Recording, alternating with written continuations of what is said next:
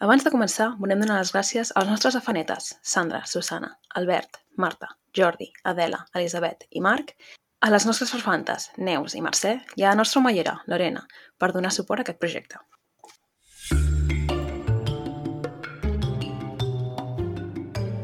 Benvinguts a Malandre Criminal, el podcast on comentem documentals de crims de la manera més cutre possible, perquè no sabem fer-ho millor. Jo sóc la Carla. Jo sóc la Marta. Jo sóc la Clara. Hola. Hola. Hola. Avui tinc una apassionant pregunta per vosaltres. Aviam. L'apassionant pregunta és algun cop heu, entenc, pixat o cagat a la via pública? Vaya pregunta, Carla, més tonta. Pues clar que sí. Què heu fet a la via pública? És que és important. Sí, clar. Com? Però has fet pipí, entenc. De festa, sí. Home, i tant. Entre Vale. dos coix. Fa molts anys que no, però Us estareu preguntant per què us faig aquesta pregunta. sí, una mica. Sí, aviam. La qüestió és que teníem un missatge d'un anònimo a l'e-box. Ah! Sobre si faig pipí? Un comentari d'un anònimo que diu així, y llegeixo textualment. Se nota que no usáis el retrete. Por el contrario, hacéis lo que hacen las poligoneras indepes que lo hacen en la vía pública. Ah, Joder Carla. con los españoles fachas. Què? Carla, Què? aquest comentari vam llegir fa dos o tres mesos. No, és un Oiga. altre.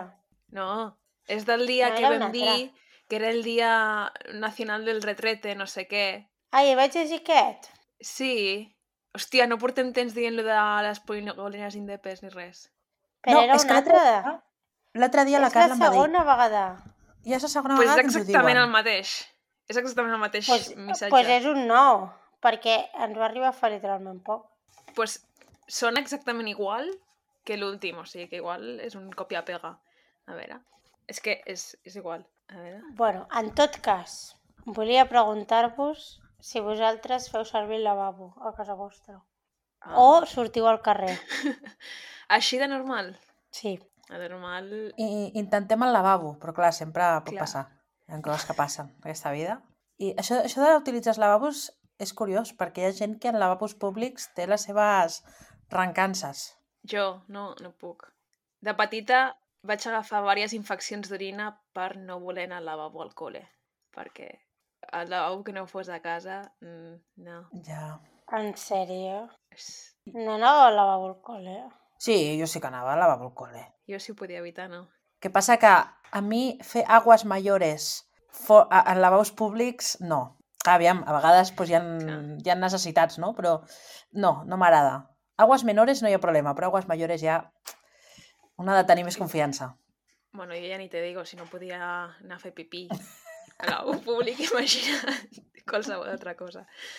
Però, bueno, anant de, també et dic que anant de festa, bueno, jo no, no recordo d'haver fet aguas mayores de festa, la veritat. No, no ho descarto, eh? Però no ho recordo. Però, clar, al final has de pixar. Has de pixar. I a vegades és preferible pixar fora dels locals que dins. Perquè el que hi ha Sí. dins, déu nhi -do. Jo odio quan entres i se't comencen a enganxar les sabates. Oh, però calla, calla. És lit- literalment saps el pitjor si que és- m'ha passat. L'alcohol, la combinació de l'alcohol més el pipi estranyot, sí, Home, és jo, durillo. jo vull pensar que és l'alcohol. Substàncies eh, genètiques de la gent, sí, sí. Cosetes, cosetes. No, no. On va ser? Hòstia, crec que va ser Bilbao. No, crec que va ser amb tu, Marta. Uf, no, sí, no, sí, no, va ser no. amb tu, Marta. Eh, He desconnectat d'aquesta conversa durant dos minuts perquè estava buscant el comentari aquest, que crec que... Um... Ai, mira, tenim un comentari també anònim increïble. bueno, eh, el que t'anava a dir, eh, he desconnectat durant dos minuts de la conversa que estàvem tenint perquè estava buscant el comentari que ha llegit la Carla, perquè estic convençuda que és el mateix comentari. I què? I no sé de què estàs parlant, però qualsevol cosa que Bueno, sigui És tu igual. i jo anant de festa per Bilbao no pot ser una, una bona història. Sí, que no va ser amb tu que vam fer... Igual em confong. Vam fer pipí entre dos cotxes i, ca... i ens aguantàvem la galta d'un cul i la galta de l'altre en cada cotxe. No, això no sóc jo. No? no, ok. no em sona. Bueno, ha passat, ha passat, això ha passat, no passa res. no entenc exactament el procés. Hòstia, no, No, no recordo... Mira, us ho vaig explicar. Et vaig explicar el que recordo, perquè no recordo exactament... Jo crec que devien ser carnavals o algo.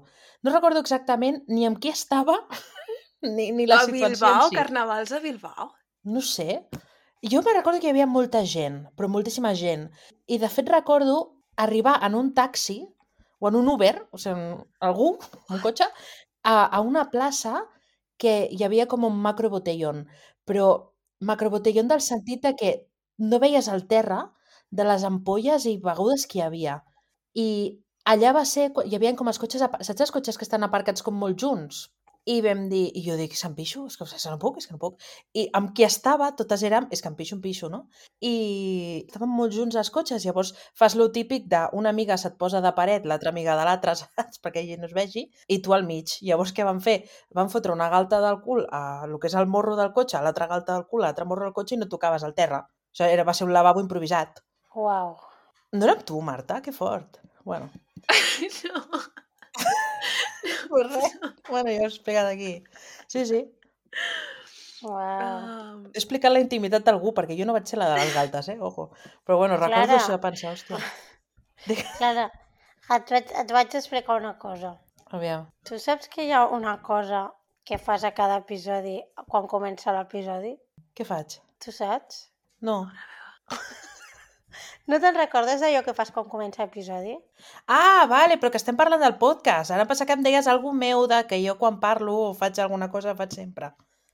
Sí, doncs, sí, Efectivament. el Dia Internacional, però espera que no l'he buscat. Dia Ah, per, per això t'ho dic, perquè el busquis. Internacional hoy. mira, No, però... Carla, l'he trobat. Què?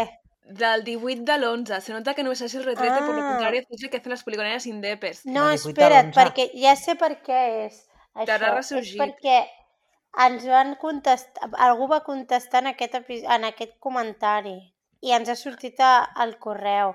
I jo pensava que... Ah. O sigui, bueno, no pensava que l'havien tornat a escriure, és que no me'n recordava de que existia aquest comentari. Clara, què? Com anem? Si algú em pot recordar qui, eh, en quin dia estem. Estem en... Doncs mira, a la 31 primera de setmana... No, estem a No. primera setmana de... 6, 6 d'abril, si no m'equivoco. Sí, Ah, 6 sí, d'abril. sí, pues dos dies molt importants. Vinga. Com dos. Són dos dies molt importants, o sigui, dues coses que passen en el dia 6. Un és, no se li sorprendrà a ningú, el Dia Internacional, en aquest cas del deporte, para el desarrollo y la paz. De l'hemisferio sur i l'hemisferio norte, en aquest cas. Però això no va passar fa poc. No, és que jo cada dia, a mi sempre m'esteu donant els dies de no sé què, de desarrollo y la paz. El Bueno, día de los que niños, el día de los Aviam. colegios de no sé què... Home, per favor. La veritat és que és un tema important, però això de l'hemisferi nord i Cansa. l'hemisferi sud Sí. no va passar fa poc, això. No, era, no, No sé, un- de, de solo un dels De hemisferis. tot l'hemisferi Però sud, però segon. ara és de tot. Si és mundial i és de tot el món, per què hem de diferenciar què són l'hemisferi nord i el sud? En plan, si és els dos... No, no, no, no. És. Clar, en aquests és els dos, sí. Però en aquell era l'hemisferi sud, doncs s'ha de dir. Hemisferi Està bé sud. perquè no és una divisió gaire corrent, no? En No, em plan, refereixo que si és als dos llocs, per què hem de dir Ja, que és ja. als dos? Vull dir, per què no dius que és de tot el món? I ja Ah, sí. són més guais. Internacional, internationally. Clar. Sí, sí. Però internacional no vol dir a tots els països. Bueno, però pots dir mundial. Interna... Mundial, Aquí posa dia internacional. Però que, Internacional que de sigui inter internacional no vol dir que sigui de tots Bueno, els països. Jo aquí no m'hi poso. Però si Jo és tot aquí- l'hemisferi nord i tot l'hemisferi sud, és mundial. Llavors sí, llavors sí. És el que jo t'estic dient. Sí, tu sí, Bueno. la que no té raó és la Clara. No, bueno, Bueno. que raó de res. És el Dia Internacional del Deporte para el Desarrollo y la Paz. Ni raó ni no raó, és així. Ok. Okay. Més? No més? Fact. Factor. Després, i una cosa, que si ets cristià i escoltes aquest podcast, pues, felicitats, I guess, perquè és el Jueves Santo, que no sé exactament el Jueves Santo què es celebra. No sé, però no es menja carn, no? O quin És dia el és aquest? això. Perquè el dimecres és l'enterrament de la sardina. Sí, però i el jueves què passa, el dijous? Però això de la sardina no és per carnaval. Ah, sí, és veritat. Fuck. Home, El dimecres de no, però dimecres de cendre ja el vam fer. Ja Per això que no, res, res, res. Sí. Ai, Ah, no, dijous espera, sant. és que... Ah, dijous sant és l'últim sopar. Igual sí. Dos terços d'aquest podcast van anar a un col·le de monges i no I no sabem... recordo res, Eh, Mira, mateix. ho he dit jo bé. És l'última cena.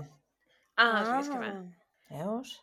¿Qué se celebra el Jueves Santo? Ah, ojo. Una vegada vaig ser obligada a entrar en una església durant la Setmana Santa i va ser la pitjor experiència de la meva vida. Mm. I és que et diré una cosa, la Setmana Santa és com el que menys em va quedar de tot, eh? Collons, doncs és la setmana més important. Ja, és com Marta. més important, no? Marta, Digues. tens dos, dos deures a fer avui. Hòstia, no. Què s'ha de fer el dijous sant?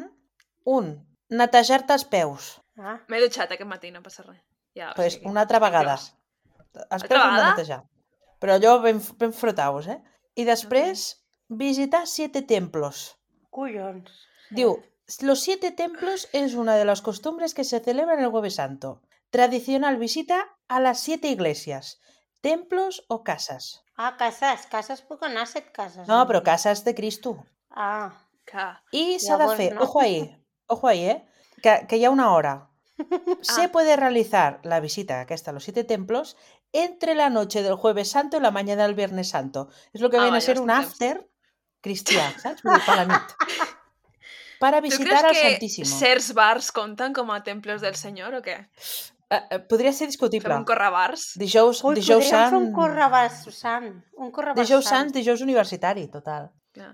Què anava a dir? Saps per què ho fan? Per què? Para agradecer a Jesucristo el don de la Eucaristía y el sacerdocio. Està bé? Ah, Però no ho fa ell, el sacerdocio, no? No sé. Bueno, Això és el que diu. Fan els sacerdots, no té molt El sentit. centre- Però qui li va ensenyar universitario- sacerdots? Què tenen a sacerdotar els sacerdots sense Jesús? Res. Bueno, no sé, Déu, no? Déu no pinta res. Des del Nou Testament no pinta. Déu no pinta res. Una cosa, ara que estem parlant aquí de temes religiosos, hem d'explicar la història de com creiem que una noia estava en una secta, Uf, però en veritat era, és, era el disc de l'Anna Guerra. Era què? Era un, nom de, del disc de l'Anna Guerra. Marta, Ah, fa 15 anys que estic a Twitter. Pues el ridícul més gran que he perpetrat en aquesta, la nostra red social, és el que em va passar l'altre dia. vinga, va. Ai, és que encara em pixo de riure. Perquè saps aquestes persones que dius, uf, aquesta tia d'on ha sortit, saps? De, en plan, gent que és com molt fan i com... Saps aquesta gent que en el discurs diu ui, no gira bé, no gira bé aquesta noia, aquesta noia no gira bé. Total, que se'm dona per mirar la, la biografia que tenia, saps jo, la biografia que està aquí, i veig un nom estrany espanyol que no conec, barra, Ok. un altre nom, barra la oreja de Van Gogh, barra, Barra.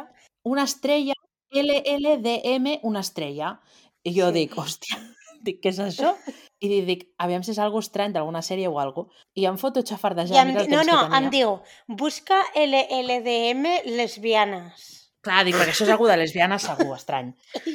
I jo busco LLDM i em surt La luz del mundo. Sí, Uh, sí. Una, una secta. Una secta cristiana. està en. España. La Iglesia del Dios Vivo, ojo ahí, la Iglesia del Dios Vivo, columna y apoyo de la verdad, la luz del mundo. ¿Cómo te quedas? Fundada el 6 de abril de mil- 1928, ojo, I clar, jo estava ready per anar-me'n a Múrcia a rescatar aquesta xavala de la luz del mundo. Perquè dic, aquesta noia, com ha, com ha en una secta aquí en, en, en aquesta...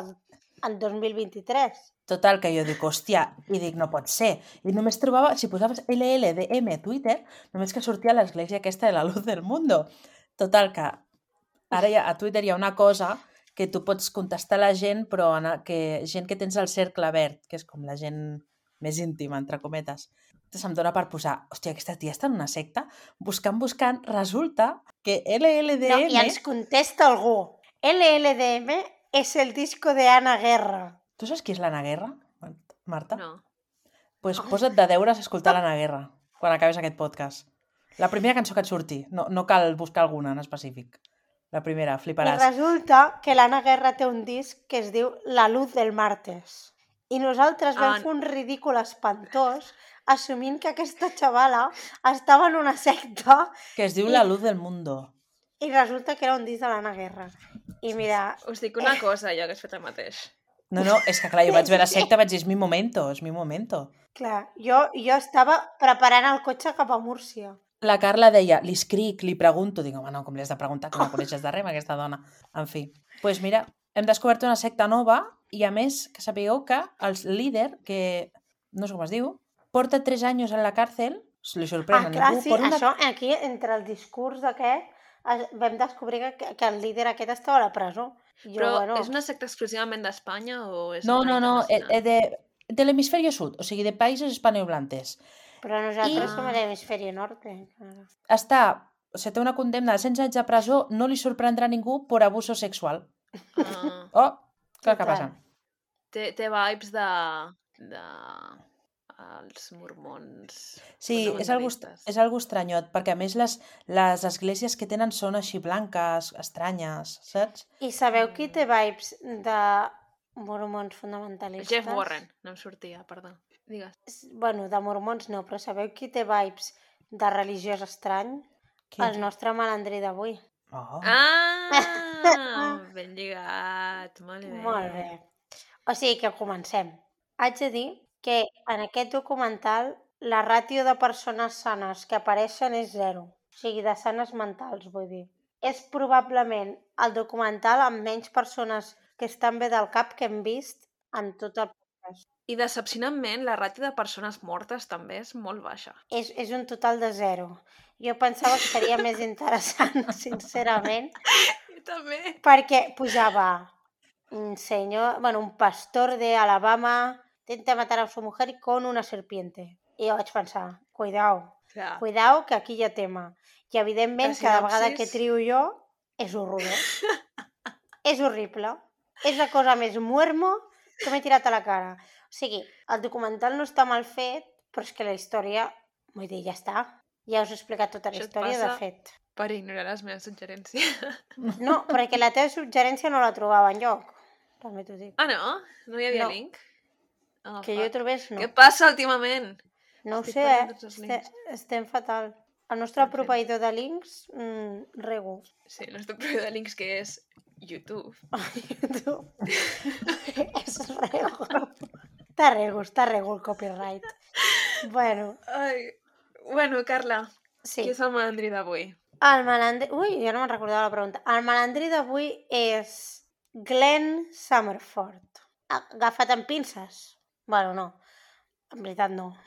Però algú, algú podria dir que agafat amb pinces. Sí, perquè hem de dir que no hi ha morts. No. Ara, no vol dir que no hi hagi malandrí. Ah, molt bé, No? molt bé.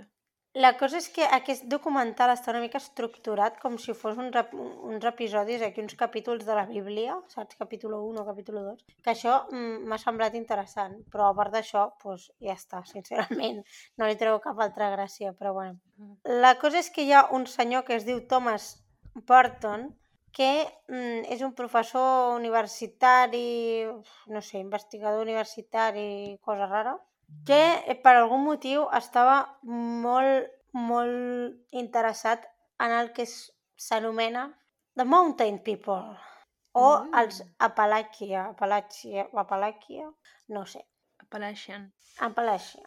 Doncs aquest senyor, que és professor de East Tennessee State University, que no promet gaire, la veritat, però bueno, en, fa molts anys va fundar el que s'anomena Archives of Appalachia. I és com un, escull, un recull històric i videogràfic doncs, d'aquesta comunitat, que bàsicament està centrada als estats de West Virginia, Kentucky, Tennessee, Carolina del Nord... Pues un estat lo bueno, bàsicament. La, la millor part dels Estats Units. I durant molt de temps va gravar el, aquests els Mountain People i va gravar les seves misses i aquestes coses. Aquests els Mountain People era com una comunitat de gent majoritàriament blanca, per no dir tota blanca, i molt religiosa, però en plan religió d'es- d'estar malament del bolet, que bàsicament es dedicava a les misses a jugar amb serps. I... És molt raro. Sí. A més que no s'explica exactament per què fins al final del documental i jo, però, però en plan, per què les serps, saps? Doncs no Ja, jo tampoc ho estava entenent, perquè tradicionalment les serps són una simbologia del És dimoni. Satan. I del... Clar, i, i estava molt confusa, perquè Sí. com veneraven aquestes serps si són simbologia diabòlica. Però no, no. Jo, jo també, però al final ho expliquen, però bueno. Sí, però bueno, tampoc és que tingui gaire sentit el tema. No. Doncs eh, un dia, un d'aquests dies que grava, eh, està gravant com una missa i, des, i el que se suposa que és el, el pastor cura eh, agafa una de les serps i deixa que mossegui un home. I a més, o sigui, l'home està en el vídeo, se'l veu que està allà literalment a punt de desmaiar-se. A més, òbviament, són serps veninoses. Mm. Llavors, doncs no sé si el deixen morir perquè tallen el vídeo, però a mi m'agradaria saber-ho. I res, aquest professor diu que va estar documentant aquesta gent durant més de 40 anys, però que hi ha una història que el va marcar per sempre. Capítol 1. La nit de la mossegada. Oh, wow. Ho faràs així de dramàtic tota l'estona? Sí, perquè si, tinc molta son i si no m'adormo. Molt bé. És una nit de setembre de 1992, quan el Kevin i el Bobby, uns conductors d'ambulància, paramèdics, no sé com es diuen, reben una trucada perquè algú l'ha mossegat una serp. Llavors, òbviament, doncs, posen les llumetes i les sirenetes i se'n van amb la seva ambulància a veure què ha passat. El que passa és que quan s'apropen els diuen que han d'anar sense les llums sense les sirenes. Llavors s'estan apropant al lloc on han d'arribar i de cop i volta apareix una dona caminant cap a l'ambulància. Us heu d'imaginar una mica la niña de la curva, ¿vale? O sigui, una senyora moribunda que apareix enmig de la carretera a punt d'espitxar-la. A més, quan li, veuen, quan li veuen el braç a aquesta senyora, diuen tornem a encendre les sirenes que ens n'anem pitant. Llavors la porten, eh, la porten a un hospital de la zona perquè creuen que aviat li arribarà el verí al cor i necessiten, realment necessita atenció mèdica. Però la Janet, que és la infermera que estava de guàrdia a l'hospital rural de Tennessee, va dir que en aquell hospital era molt petit i no tenien antídot. Total, que se la tornen a encarregar l'ambulància i se l'emporten a Birmingham. La noia els hi diu que el seu marit ha intentat matar-la amb una serp verinosa. Quan la policia de Scottsboro, que és, no sé, el poble, suposo, arriba a la casa de la noia i del seu marit, el Glenn Summerford, que és el marit, els dona permís per registrar la propietat. El Glenn els porta com en una espècie de, de cobert, com una caseta de fusta al jardí, i quan obren la porta troben 15 serps. Déu-n'hi-do. 15 serps. O sigui, l'altre dia parlàvem de fòbies, doncs aquí va una altra. Entre aquestes serps hi ha la que va mossegar la Darlene, que és la seva dona, i les serps es converteixen en proves del cas. Aquí m'he posat un recordatori perquè quan surt el vídeo de la policia guardant les serps m'ha recordat molt quan va venir la policia a casa meva a guardar la iguana. No sé si us en recordeu. Ah, sí. Sí. Pues m'ha donat les mateixes, El els vibe. mateixos vibes. Sí, literalment igual d'inútils. Però, bueno, clar, al final ells estan, parla... o sigui, estan tractant amb serps verinoses i aquests que van venir a casa meva pues, era una iguana que les estava torejant. O sigui, no és exactament la mateixa història, però m'ha fet molta gràcia. Val, doncs quan entren al que és la casa, està feta un desastre, mm, hi ha merda per tot arreu, està tot desordenat, però a part d'això doncs no, no troben res extremadament alarmant. I llavors el que sí que veuen és que hi ha un bolso penjat a la paret. I el policia diu, és que jo estava segur que allà dins hi havia una serp. Però quan obre el bolso no es troba una serp, es troba un mapatge. Yay! és que, vaya plot twist. Fascinant. Carla, Què? com vas dir que era mapatge en català? Sí, os És rentador. os rentador. L'he buscat, però no m'ha donat la gana de dir os rentador, sincerament. És os rentador. No No entenc per què és os rentador, però... Què renten? No ho sé, però menjant escombraries, això t'ho puc dir. L'únic Llavors, mapatge molt- que he vist en la meva vida real, quan vaig anar als Estats Units, va ser menjant basura. Són adorables, però De lluny. dins d'un cubet de basura. De lluny. Pregunta-li a la Darlene si són adorables. No, són molt macos. A veure si et tinc una foto us la passo. No, sí, ja sé com és un mapatge, eh? T'ensenyaré la foto que vaig fer jo del mapatge. Ah, la teva foto. Clar, Molt bé. Doncs em posaré a buscar. tu vés buscant, eh? Que jo ho vaig seguint. Uns dies després de que l'ambulància recollia la Darlene, doncs la policia deté el, el Glenn per intent d'assassinat i tot i que se suposa que les proves que tenen no són gaire contundents perquè al final tenen la declaració d'ell i la declaració d'ella, les serps i poca cosa més, havien, el que sí que havien recollit tots els vídeos de l'església del Summerford, que resulta que és un lloc bastant cutre. Gràcies per les fotos, mm, Marta, dels Oh, ossos uau. rentadors. Dins d'un coell d'escombraries. Déu-n'hi-do, déu nhi déu Són maquíssimes. Ara ja m'he perdut. Són uns avorrides, tio. Però és una foto teva? Ojo. Que sí, que són fotos que vaig fer jo. Però no era conya. Uau. Que no! I, què, és- En tinc bastantes més, si vols, mira. i, i què se una- sent a estar davant d'un rentador? Oi, estava molt emocionada. Però la gent amb la que estava em deia que no m'acostés. Home, jo, és que... Sí, però tenen mala llet, no? sí. només una passa. Sí, i, i la ràbia. I malalties. Clar. La mala llet és lo de menys. Mira, t'enviat una foto de la meva galeria perquè vegis que són fotos que vaig fer jo. No, no, sí, literal. Sí, sí, jo ho veig. N'hi ha aquí com 70. Uau, que Passis, fort. hi ha dos dotzenes. I a sobre les té en favoritos. Ojo ahí, eh? Una foto de los rentador en favoritos. Meravellós. Meravellós. No, no, bueno, us haig de dir que aquest os rentador en qüestió no tornarà a sortir fins al final de l'episodi, o sigui que anem a continuar. Les proves que té la Fiscalia en contra del Glenn, bàsicament són la declaració d'ella dient que li ha posat que el Glenn li ha posat una pistola al cap perquè agafi les serps i, les, i la mossegui a propòsit. En per la contra tenen a ell dient que ella s'ha intentat suïcidar després d'una baralla que han tingut i a més tenen els vídeos que havien recollit com a proves on es veu l'església del Summerford que és un lloc, pues, com tothom pot esperar, bastant cutre i en aquests vídeos es resa, es canten cançons religioses i juguen amb les serps. El Glenn les agafa, les treu, les posa en caixes i no sé exactament mm, què és el que fan amb les serps, però les tenen allà. Mm, No sé. En el judici, la fiscalia doncs, pinta el Glenn com un home bastant gelós i agressiu que ha intentat matar la seva dona amb la serp. La defensa del Glenn diu que la Darlene és una dona doncs, amb problemes, que no està bé del cap, que a més que a més no pot ser que hagi passat això que diuen perquè ella ja ha tractat amb, amb, amb serps. O sigui, ella ja ha agafat les serps abans. Ah, Com pot ser que la piquin si ja... Bueno, que la mosseguin si ja l'ha agafat abans? clar. O sigui, tot el sentit del animal món. salvatge. És, és que no, no es pot debatre això, saps? Mm. En fi. I a més a més que ningú l'obligava a tocar les serps, saps? O sigui, si no vols, doncs no les toques. Literalment, en tot el sentit. Durant la seva declaració, la Darlene testifica que la serp la va mossegar un divendres i ell no la va deixar anar al metge en tot el cap de setmana. El dissabte la va tornar a obligar a entrar a la caseta de les serps i la van tornar a picar.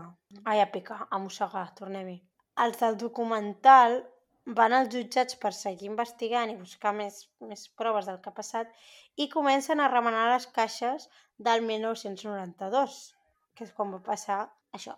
La senyora mecanògrafa, molt simpàtica ella, comença a traduir les notes del judici perquè no estan escrites com normals. Tenen com tots uns codis i unes lletres que si tu no ets mecanògraf doncs no entens res. I llavors a les notes posa que la Darlene diu que ella es va posar violent i li va dir que faria que la mosseguessin i que es, i que es morís, o sigui, volia matar-la amb la serp i volia que a més semblés un suïcidi. Se suposa que ell la va apuntar amb una pistola i que si no anava al cobert de les serps li estamparia la cara dins de, de les caixes de les serps. Okay. Això és més o menys el que sabem del judici fins ara en el capítol 1. Llavors, el jurat el va declarar culpable d'intent d'assassinat perquè no la va deixar rebre ajuda mèdica i el va sentenciar a 99 anys de presó. O sigui, això són els fets, bàsicament. Molt per sobre, però són els fets. Llavors aquí el documental comença el que ve sent com una introspecció en la vida d'aquest senyor, el Glenn, perquè quan sapigueu, vull dir, com és aquest home, doncs segurament entendreu moltes coses. Se suposa que els que fan el documental volen entendre aquest senyor, més que dir si ha passat o no ha passat. No sé si m'explico. Sí. Hi havia un moment que semblava que passaria de ser un documental sobre un intent d'assassinat a un documental sobre una secta i després sempre simplement Sí. acaba sent un documental sobre la vida Res, en concret. d'una persona Sí, i acaba, sí, acaba no sent sobre res en concret. sí, Una mica dispers. Sí. sí, I a sí, sobre l'hem de però... reexplicar a nosaltres. Bueno, Bueno, pues veràs. L'episodi 2, el capítol 2, es diu Pecats del pare. És que em, sem em semblen boníssims aquests noms. Uh, aquest professor universitari, en el seu moment, com ja us he dit, volia entendre la cultura d'aquesta gent. I va fer tot un seguit d'entrevistes al Glenn, just com, bueno, després d'entrar a presó. En aquests àudios que se senten, ell diu que és innocent del que li ha passat a la Darlene, però que ell sap que l'han condemnat per tot el que va fer quan era jove. Llavors aquí, o sigui, ara ve la infància del Glenn, que ja veureu, ja entendreu ràpidament quin tipus de persona és. Quan el Glenn era petit, li feien bullying, que vull dir, bueno, no sé, li, li passa gent, és dramàtic, eh? però li passa molta gent. A més a més, el seu pare eh, era un home absent, o sigui, no, no estava en, en la seva vida i la seva mare es va tornar a casar. El nou marit de la seva mare feia poc que havia tornat de la guerra, perquè estem parlant del, del 50. I com que veia que el Glenn pues, era una mica pringat, el que va fer va ser muntar-li aquí una mica una espècie de Karate Kid i li va ensenyar com defensar-se. Li... Bueno, sí, és que m'ha semblat molt rotllo Karate Kid perquè el puja en un tronc i ha d'aguantar l'equilibri mentre li fot d'hòsties. Que dius, bueno, hi ha gent que defensa la comunicació i aquest home defensa fotre d'hòsties al seu fill. Doncs pues, bueno, cosites. Passa res. Doncs això, li, li fot una mica aquí un Karate Kid, Experience, i li ensenya com s'ha de defensar. Però ja, com ja us he dit, o sigui, li ensenya com s'ha de defensar a base d'hòsties.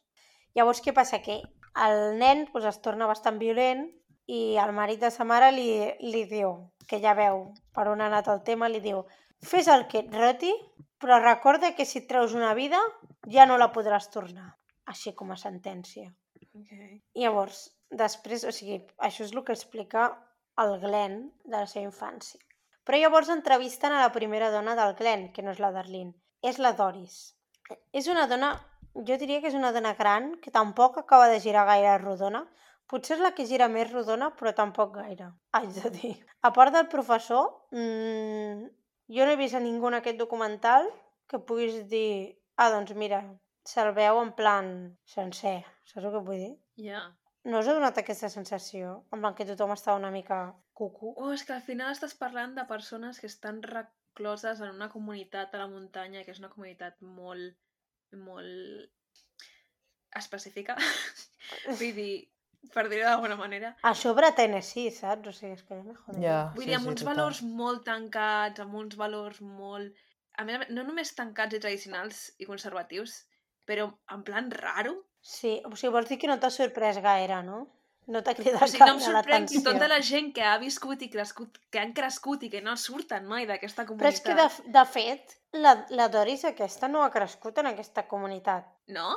No? Jo o tenia sigui, entès que sí, que eren en plan Sí, jo també havia entès que sí. des de petits i llavors es feien nòvios d'adolescents. sí, però, bueno, ara ho explico això, però em sembla que és ell després que es converteix, però molt més No, endavant. però ja vivien. Es converteix perquè es fa religiós, però ja vivien Bueno, a, a les muntanyes i tal. però no sé si estaven com molt ficats en el tema, saps? No ho sé.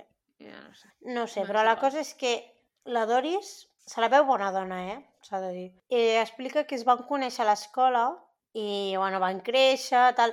Ell de petit deia que es casaria amb ella, ella li deia que sí, los huevos, però al final eh, es, van, es van acabar casant. Mira, cosites, què passa? I diu que al Glenn pues, li agradava molt la pelea física i que era, era un noi molt violent. A més que pues, boxejava així, en plan, no com a esport, saps el que vull dir? I, i abans, de, abans de que es convertís en aquesta espècie de persona religiosa en la qual es va convertir, deia que era especialment violent quan bevia, que tampoc sorprèn Clar. a ningú. Si has d'explorar una mica la frase, boxejava, però no com a esport. Bueno, eh, Declaració important. Crec que estem... Que, que ens donis detalls el que això implica. aviam, la cosa és que ella fa servir el verb... Bueno, ella diu he likes boxing, però clar, si tu dius boxing, Sí. s'entén com una cosa rotllo competitiu, un esport, saps? En plan, que, que és, una, és tot un espectacle, però en plan, amb les seves normes i les seves coses. Però no és el que feia aquest senyor. Aquest senyor anava a un bar, s'emborratxava i es fotia d'hòsties amb el primer que passava. O I això és apreciar el que és el, el, el meravellós deporte del boxeo, no? Clar, és que jo li tinc una mica de respecte al, al, al, a lo que és el, el boxe... Bueno, no sé com es diu en català. El boxe, la boxa. No, no, molt fan de... Li agradava el boxe, però... No, No com a Com a esport, esport. en plan. Déu-n'hi-do. Una mica de pelea física. Déu-n'hi-do. Tant si l'altra persona volia boxejar o no, no? Exacte, vull dir, no hi havia acord. És, ell volia boxejar amb qui fos. I ja està. Era molt fan de l'esport. Re, doncs um, era especialment violent quan bevia, cosa que no sorprèn a ningú, i eh, ja havia estat a la presó abans, quan, o sigui, en, aquell, en aquells moments, perquè, eh, pues això, es barallava molt, era molt violent, i un cop va pallissar algú tan fort que se li van sortir els ulls a les òrbites. Colló! Un Cosi. segon. D'algú m'ho explica en el documental? Sí. Eh, no, jo no, no ho volia explicar perquè és És bastant físicament gràfic. possible? No ho sé, però diu que se li surten els ulls pel nas. Clar, exacte, exacte. Això és físicament possible que se't surtin els ulls pel nas? Perquè a mi em sembla que no. Però jo vull dir, em sembla que si se't surten els ulls pel nas ja no te'ls poden tornar a posar, no sé com dir-te. O sigui, crec, perquè ho expliquen, ho expliquen com si, saps? O sigui, mira, li va pagar, li van sortir els nas, però bueno, ja va anar a l'hospital i es va recuperar. Clar, Eh, Si hi ha algun metge escoltant això, Ho dubto, però ho endavant. dubto, però si hi ha algun metge o algú que sàpiga de medicina, jo crec que això no és físicament possible. Però si ho és, que algú m'il·lumini. Bueno, és que t'hauria de trencar tot el crani, entenc. No? Però és que Per la meitat. t'hauria... Perquè et sortís qualsevol òrgan pel nas, t'ha- t'haurien d'arrencar primer el que és el cartílag del nas o alguna cosa, perquè és que si no, no, Aviam, no hi ha forat dic que per on càpiga un ull. Potser és una forma de parlar i no, no, li, no li van sortir els ulls pel nas. A mi em sembla que aquelles gent parlaven molt literal sobre tot. Ja, també és veritat. O sigui que no però, sé. Bueno. Moltes hipèrboles no feien servir. Però, en fi, eh, això és el que... Bueno, us estem aquí pintant una escena de lo que és aquest senyor. Llavors, què passa? Que aquest noi, el que li havia tret els ulls pel nas, doncs tenia amics. I aquests amics vaja. doncs no els hi va fer molta gràcia que deixés el seu col·lega sec. Presumptamente, no ho sabem. Igual li van tornar a posar, no sabem com. Però jo entenc que mm, el va deixar tocat. I llavors aquests amics van dir mm, no em sembla bé, i es volien venjar. I segons el, el Glenn, van ser ells qui van incendiar la seva casa quan estaven tots a dins dormint. Tots a dins, vull dir, el Glenn, la Doris i com quatre o cinc criatures que tenien. A més, en aquell foc doncs, va morir la seva filla d'un any i vuit mesos, una nena molt petita, a qui, per, a qui tenia pues, un carinyo, se suposa, molt especial. I que realment aquesta mort li va afectar molt. Normal. Però clar, doncs encara li quedaven quatre fills i havia de seguir tirant endavant. Que no us penseu que aquí va ser això dar-se cuenta, eh? Vull dir, no. No. Podria haver tingut un moment de tocar fons i dir, saps? Què estic fent a la meva vida? Mm. Però no. Potser no. hauria de que deixar el boxe. Sí, potser, potser m'hauria de dedicar a un altre esport, no sé, el futbol o alguna però no... Bueno, potser tennis, que no hi hagi molt de contacte físic, però, però no, no és el seu moment Hòstia, de tocar fons. No vull que em vingui a mi aquest senyor amb la raqueta, eh, sincerament. Tam tampoc. No, no, te la menges. T'entra pel nas, també. Tots així. Sí, sí. I per on et surt, clar? Misterios. Misteris. Doncs res, la Doris explica que ella ella l'estimava i li tenia por a parts iguals i que era una persona que pues, eh, eh, pues abusava de, de tothom i que ella li pregunten en el documental si creu que és capaç de matar i ella diu que sí. Però com us deia, doncs, després de la mort de la seva filla, en comptes d'adonar-se de que no va pel bon camí, doncs ell veu encara més i la Doris i ell es divorcien i és llavors quan coneix a la Darlene. La Doris insinua que és probable que, que ja es veiessin abans de que es divorciessin, però bueno, tampoc, tampoc em, li dona moltes voltes. El que sí que explica és que es casen el dia de l'aniversari de la Doris. Quina mala hòstia. Que amb aquí ja us podeu... Només amb aquest detall ja us podeu fer una idea de quin tipus de persona era el Glenn. I llavors comencen aquí una mica les entrevistes, apare... comencen aquí, però segueixen durant tota la resta del, del documental, a la Darlene i el Marty, que és el fill que van tenir la Darlene i el, i el Glenn. La Darlene diu que de seguida, des del primer dia que es va casar amb ell, ja sabia que, que hi havia algo raro i que no ho hauria d'haver fet. Però, bueno, com us deia, van tenir el seu fill, el Marty, i quan el Marty era petit, pues, la família era molt, bastant pobra i a l'escola també li feien bullying. Vaja. Però eh, no va explicar si li va fer un, un Karate Kid 2.0 o no. No ho explica. El Marty també diu que abans de convertir-se pues, era una persona també molt violenta. O sigui, és una cosa que es va repetint durant tot el documental. O sigui, que realment aquest tio era un tio pues, amb problemes d'ira. I aquí comença el capítol 3, anomenat La redempció. Toma.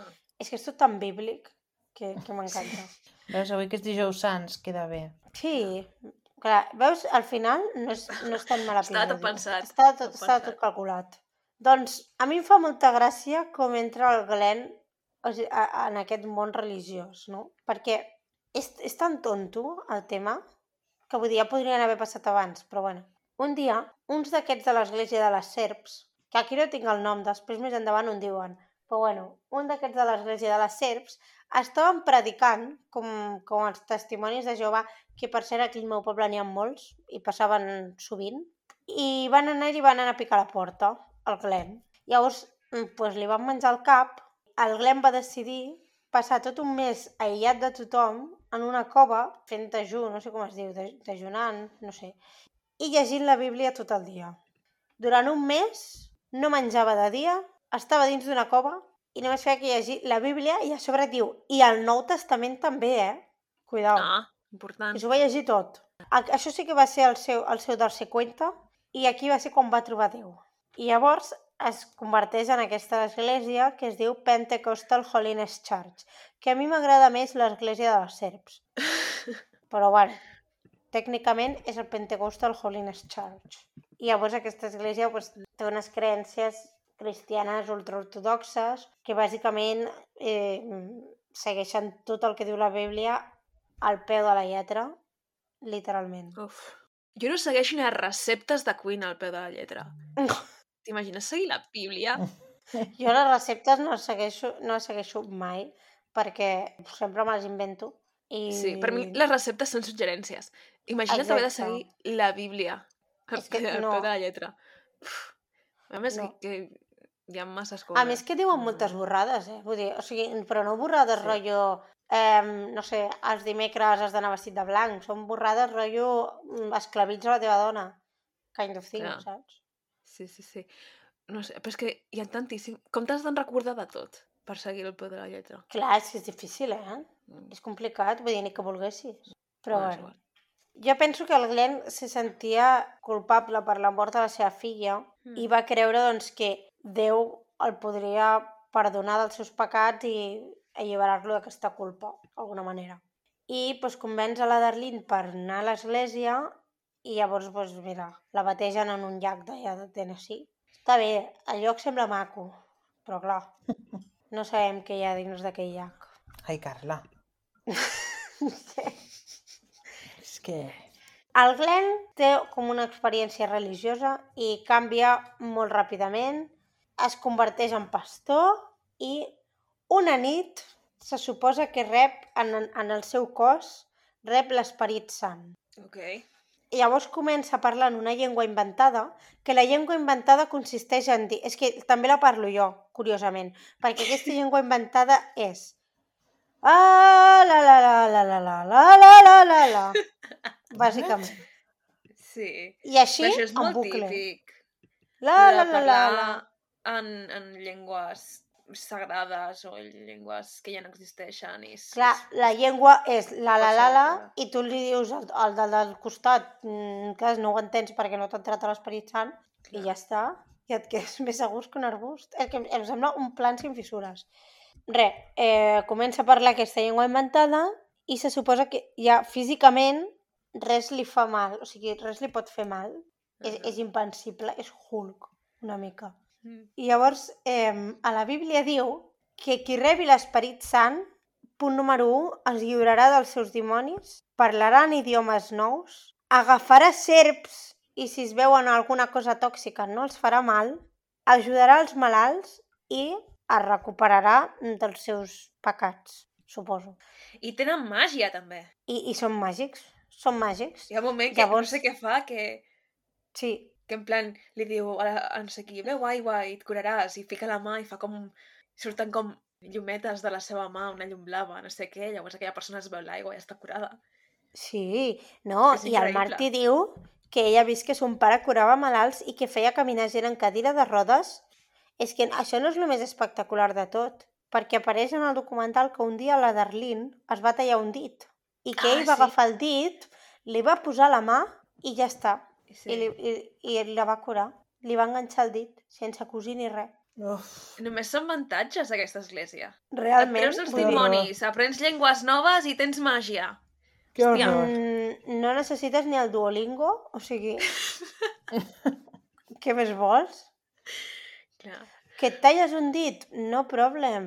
Tens càncer? No passa res. Beu aigua, saps? O sigui... Literal, Respira. què més voleu? Respira a fons. Beu saps? aigua.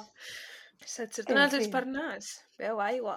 Igual, igual va tornar a posar-li els ulls a, a, a, lloc i per això no s'ha quedat sec. És que d'això no hem parlat, eh? D'això no hem parlat del documental. Però també també feia exorcismes, aquest senyor. Clar. Clar, vull dir, o sigui, com, com has de curar lo de dins? Doncs pues traient tots els dimonis, és així. Clar, té tot el Les recreacions, molt efectes especials de Supernatural temporada 1, eh? En plan, els dimonis sortint O sigui, per la boca. pressupost d'un euro i un xicle tenien per fer aquest documental.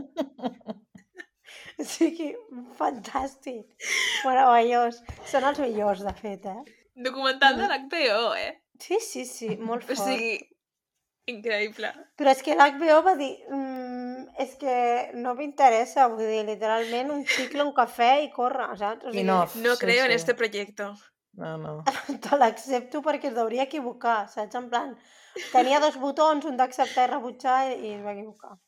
En fi, aquí amb els exor- exorcismes acabem a l'episodi 3 i entrem a l'episodi 4. La veritat, va. segons el Glenn. No acaba, eh?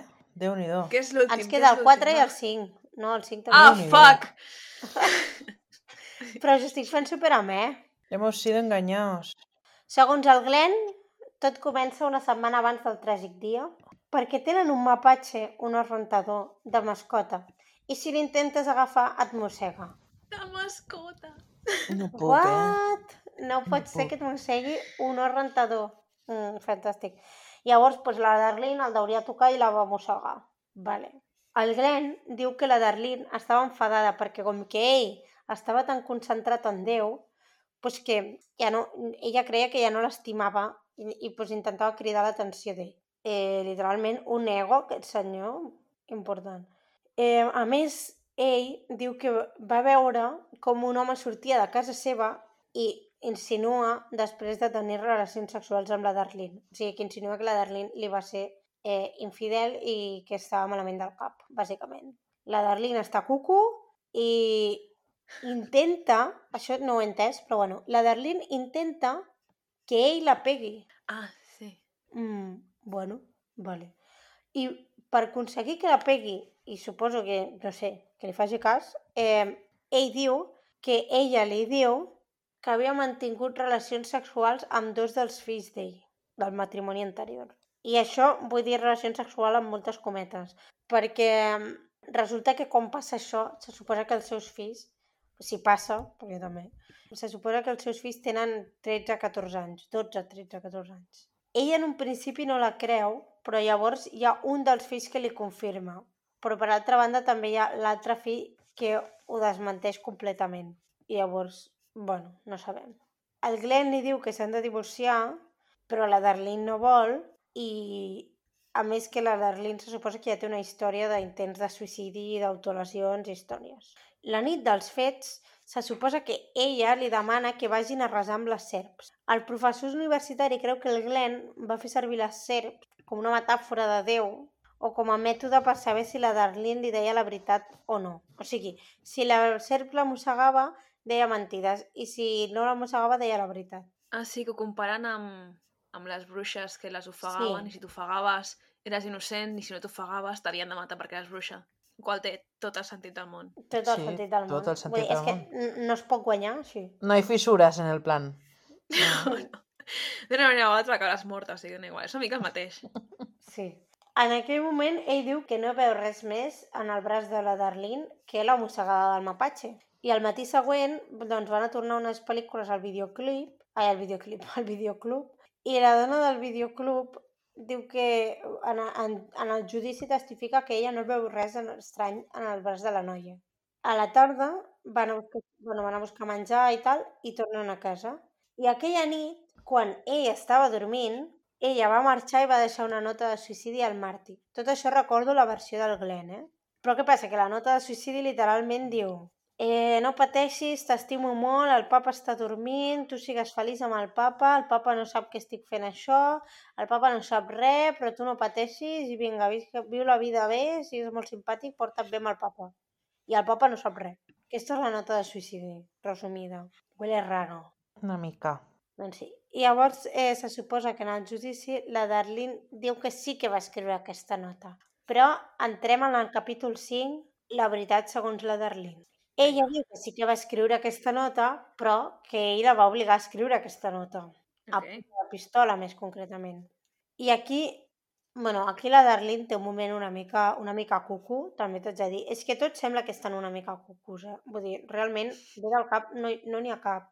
Vull dir, el Glenn no, però és que la Darlene tampoc, i el Marty tampoc, i la Doris tampoc. Vull dir, és una mica una cosa estranya. Eh, la Darlene explica que ella havia vist com el dimoni sortia del cos del Glenn. O sigui, literalment, va veure el dimoni sortir del cos, del cos del Glenn, però també va veure com li tornava a entrar. Llavors, amb el dimoni dins, és quan ell comença a intentar matar-la, diverses vegades. Ok. Aquella nit, No? el Marty, el fill, explica que va veure com es barallaven i que ell, la, quan la seva mare intentava marxar corrents, el seu pare l'estava apuntant amb una escopeta. Ell intenta protegir la seva mare i dispara al seu pare amb una fletxa.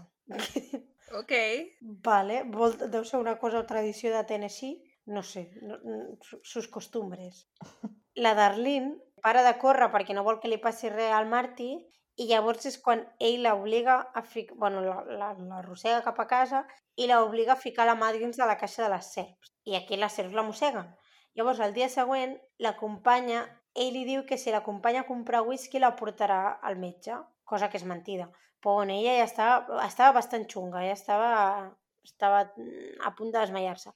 Però que ella deia que no podia fer res perquè ell tenia una pistola i la mataria. El Glenn li diu en el professor que en aquells moments ell no bevia, però hi ha moltes persones que diuen que, que, està, que bevia i, i que estava, aquell dia estava especialment malament. Quan tornen a casa de, del videoclub, eh, l'obliga a escriure la nota i a la nit l'arrossega una altra vegada al cobert. Intenta com empènyer el cap de la Darlene a dins de la capsa de les serps, però bueno, mm, o sigui, no la piquen al, no la mosseguen al cap, però la tornen a mossegar. O sigui, ja ha portat dues vegades. Que això em recorda quan jo vaig intentar fotre el cap, de la, el cap del meu germà dins la rentadora, història per un altre dia, i tenia 3 anys, haig de dir. I llavors, la Darlene el que fa és donar-li molt de vodka perquè es quedi cao i poder trucar a l'ambulància. Llavors truca a l'ambulància i passa, doncs, tornem en un ciclo al capítol 1, que no el tornaré a explicar, però això és el que, el que passa. I ja al final hi ha un epílog, epíleg, epíl, epíleg, epíleg, en què el professor diu que el suïcidi, ai, el suïcidi, el judici només dura dos dies i mig. Vull dir que és una cosa a pim-pam. I el condemnen a 99 anys de presó per intent de- d'assassinat. El 2003, haig de dir, que el Glenn intenta escapar de la presó, però no ho va aconseguir. Yay. I ja està. I fins aquí l'episodi. Nice. Molt Què bé. us ha semblat? Haig de dir... Llarg. Mm, El, el, no l'episodi, sinó el documental. Sí, a mi Ah, també sí, el fet llarg documental el una mica. documental. el documental una mica, però haig de dir que sembla com de molts gèneres diferents Sí, i és com que volen fer una mica popurri sí. i no sé, no sé quin és l'objectiu del documental en si, saps? Jo És com tampoc. que no Sí. està molt definit. Vols explicar aquest episodi? Vols explicar la gent de, de les serps? Vols explicar qui és el Glenn Summerford? No sé, decideix-te una mica, no? Abans de fer això. Ja sabem que el pressupost era, era dur, però en plan... Posa-li una mica de ganes. Jo crec que... Vull dir, tu llegeixes la sinopsis només i, i el títol, que el títol és Alabama Snake, i dius, mm. uau, uau, hi ha xitxa aquí. I després el documentari és decepcionant. Crec que, o sigui, el problema és no la història, no tots els àmbits que han volgut tocar, sinó com s'ho han plantejat, com l'han produït, que potser no... És això, és, se't fa llarg, triga massa a dir coses interessants, eh, no és gaire dinàmic. Sí, Llavors, mm, no sé, crec que si estigués estructurat diferent, haguéssim estat living. Sí, és veritat. Té una mica la mateixa energia de quan el professor d'universitat s'asseu a classe i exerceix el PowerPoint que ha fet. és una mica Una això amb els vídeos d'aquest senyor que ja tenia de fa 50 anys, saps? Sí. Ja. Ell volia vendre vídeos i no sabia com. Al final és molta part de la veu d'aquestes converses gravades del tio que ella explicant la seva vida i recreacions en plan de gent caminant per un bosc, gent Sí. entrant en una església... Gent en una cova. Vale. Sí. Ok. Aviam, jo crec que la història podria ser molt interessant, però el documental no ho és. I ja està. I bueno, la Darlene no està morta, no sé si ho heu pillat. Ha sobreviscut. No, sí, sí. Dir, L'únic que igual s'ha quedat amb mig braç bastant fotut. Però bueno, igual, igual li ha tirat una mica d'aigua beneïda d'aquesta. eh, la I, to, I tot solucionat. I au. I solucionat, no? Sí. Doncs res, fins aquí. Molt bé. Emoji fàcil, no? Home, home. Avui és fàcil. Una serp i un guant de boxeo. Molt bé. I uns ulls, Una no? serp i uns... I un nas. No, Una serp boxejant que li treu algú els ulls pel nas. Mm, no. Seria el resum de l'episodi d'avui. De l'episodi. Quatre paraules. Resumint. Doncs molt bé. Bona Molt nit. Bona nit. Adéu.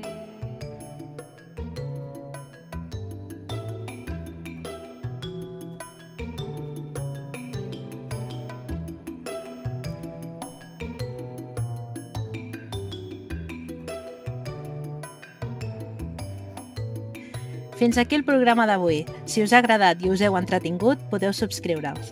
Ens trobareu a Spotify, Apple Podcast, Google Podcast, iVoox i altres plataformes. Si voleu contingut extra, us podeu fer mecenes o fer una aportació a malandri.aixeta.cat. També ens podeu trobar a Twitter i a Instagram. Gràcies per escoltar-nos. Adéu. Adéu.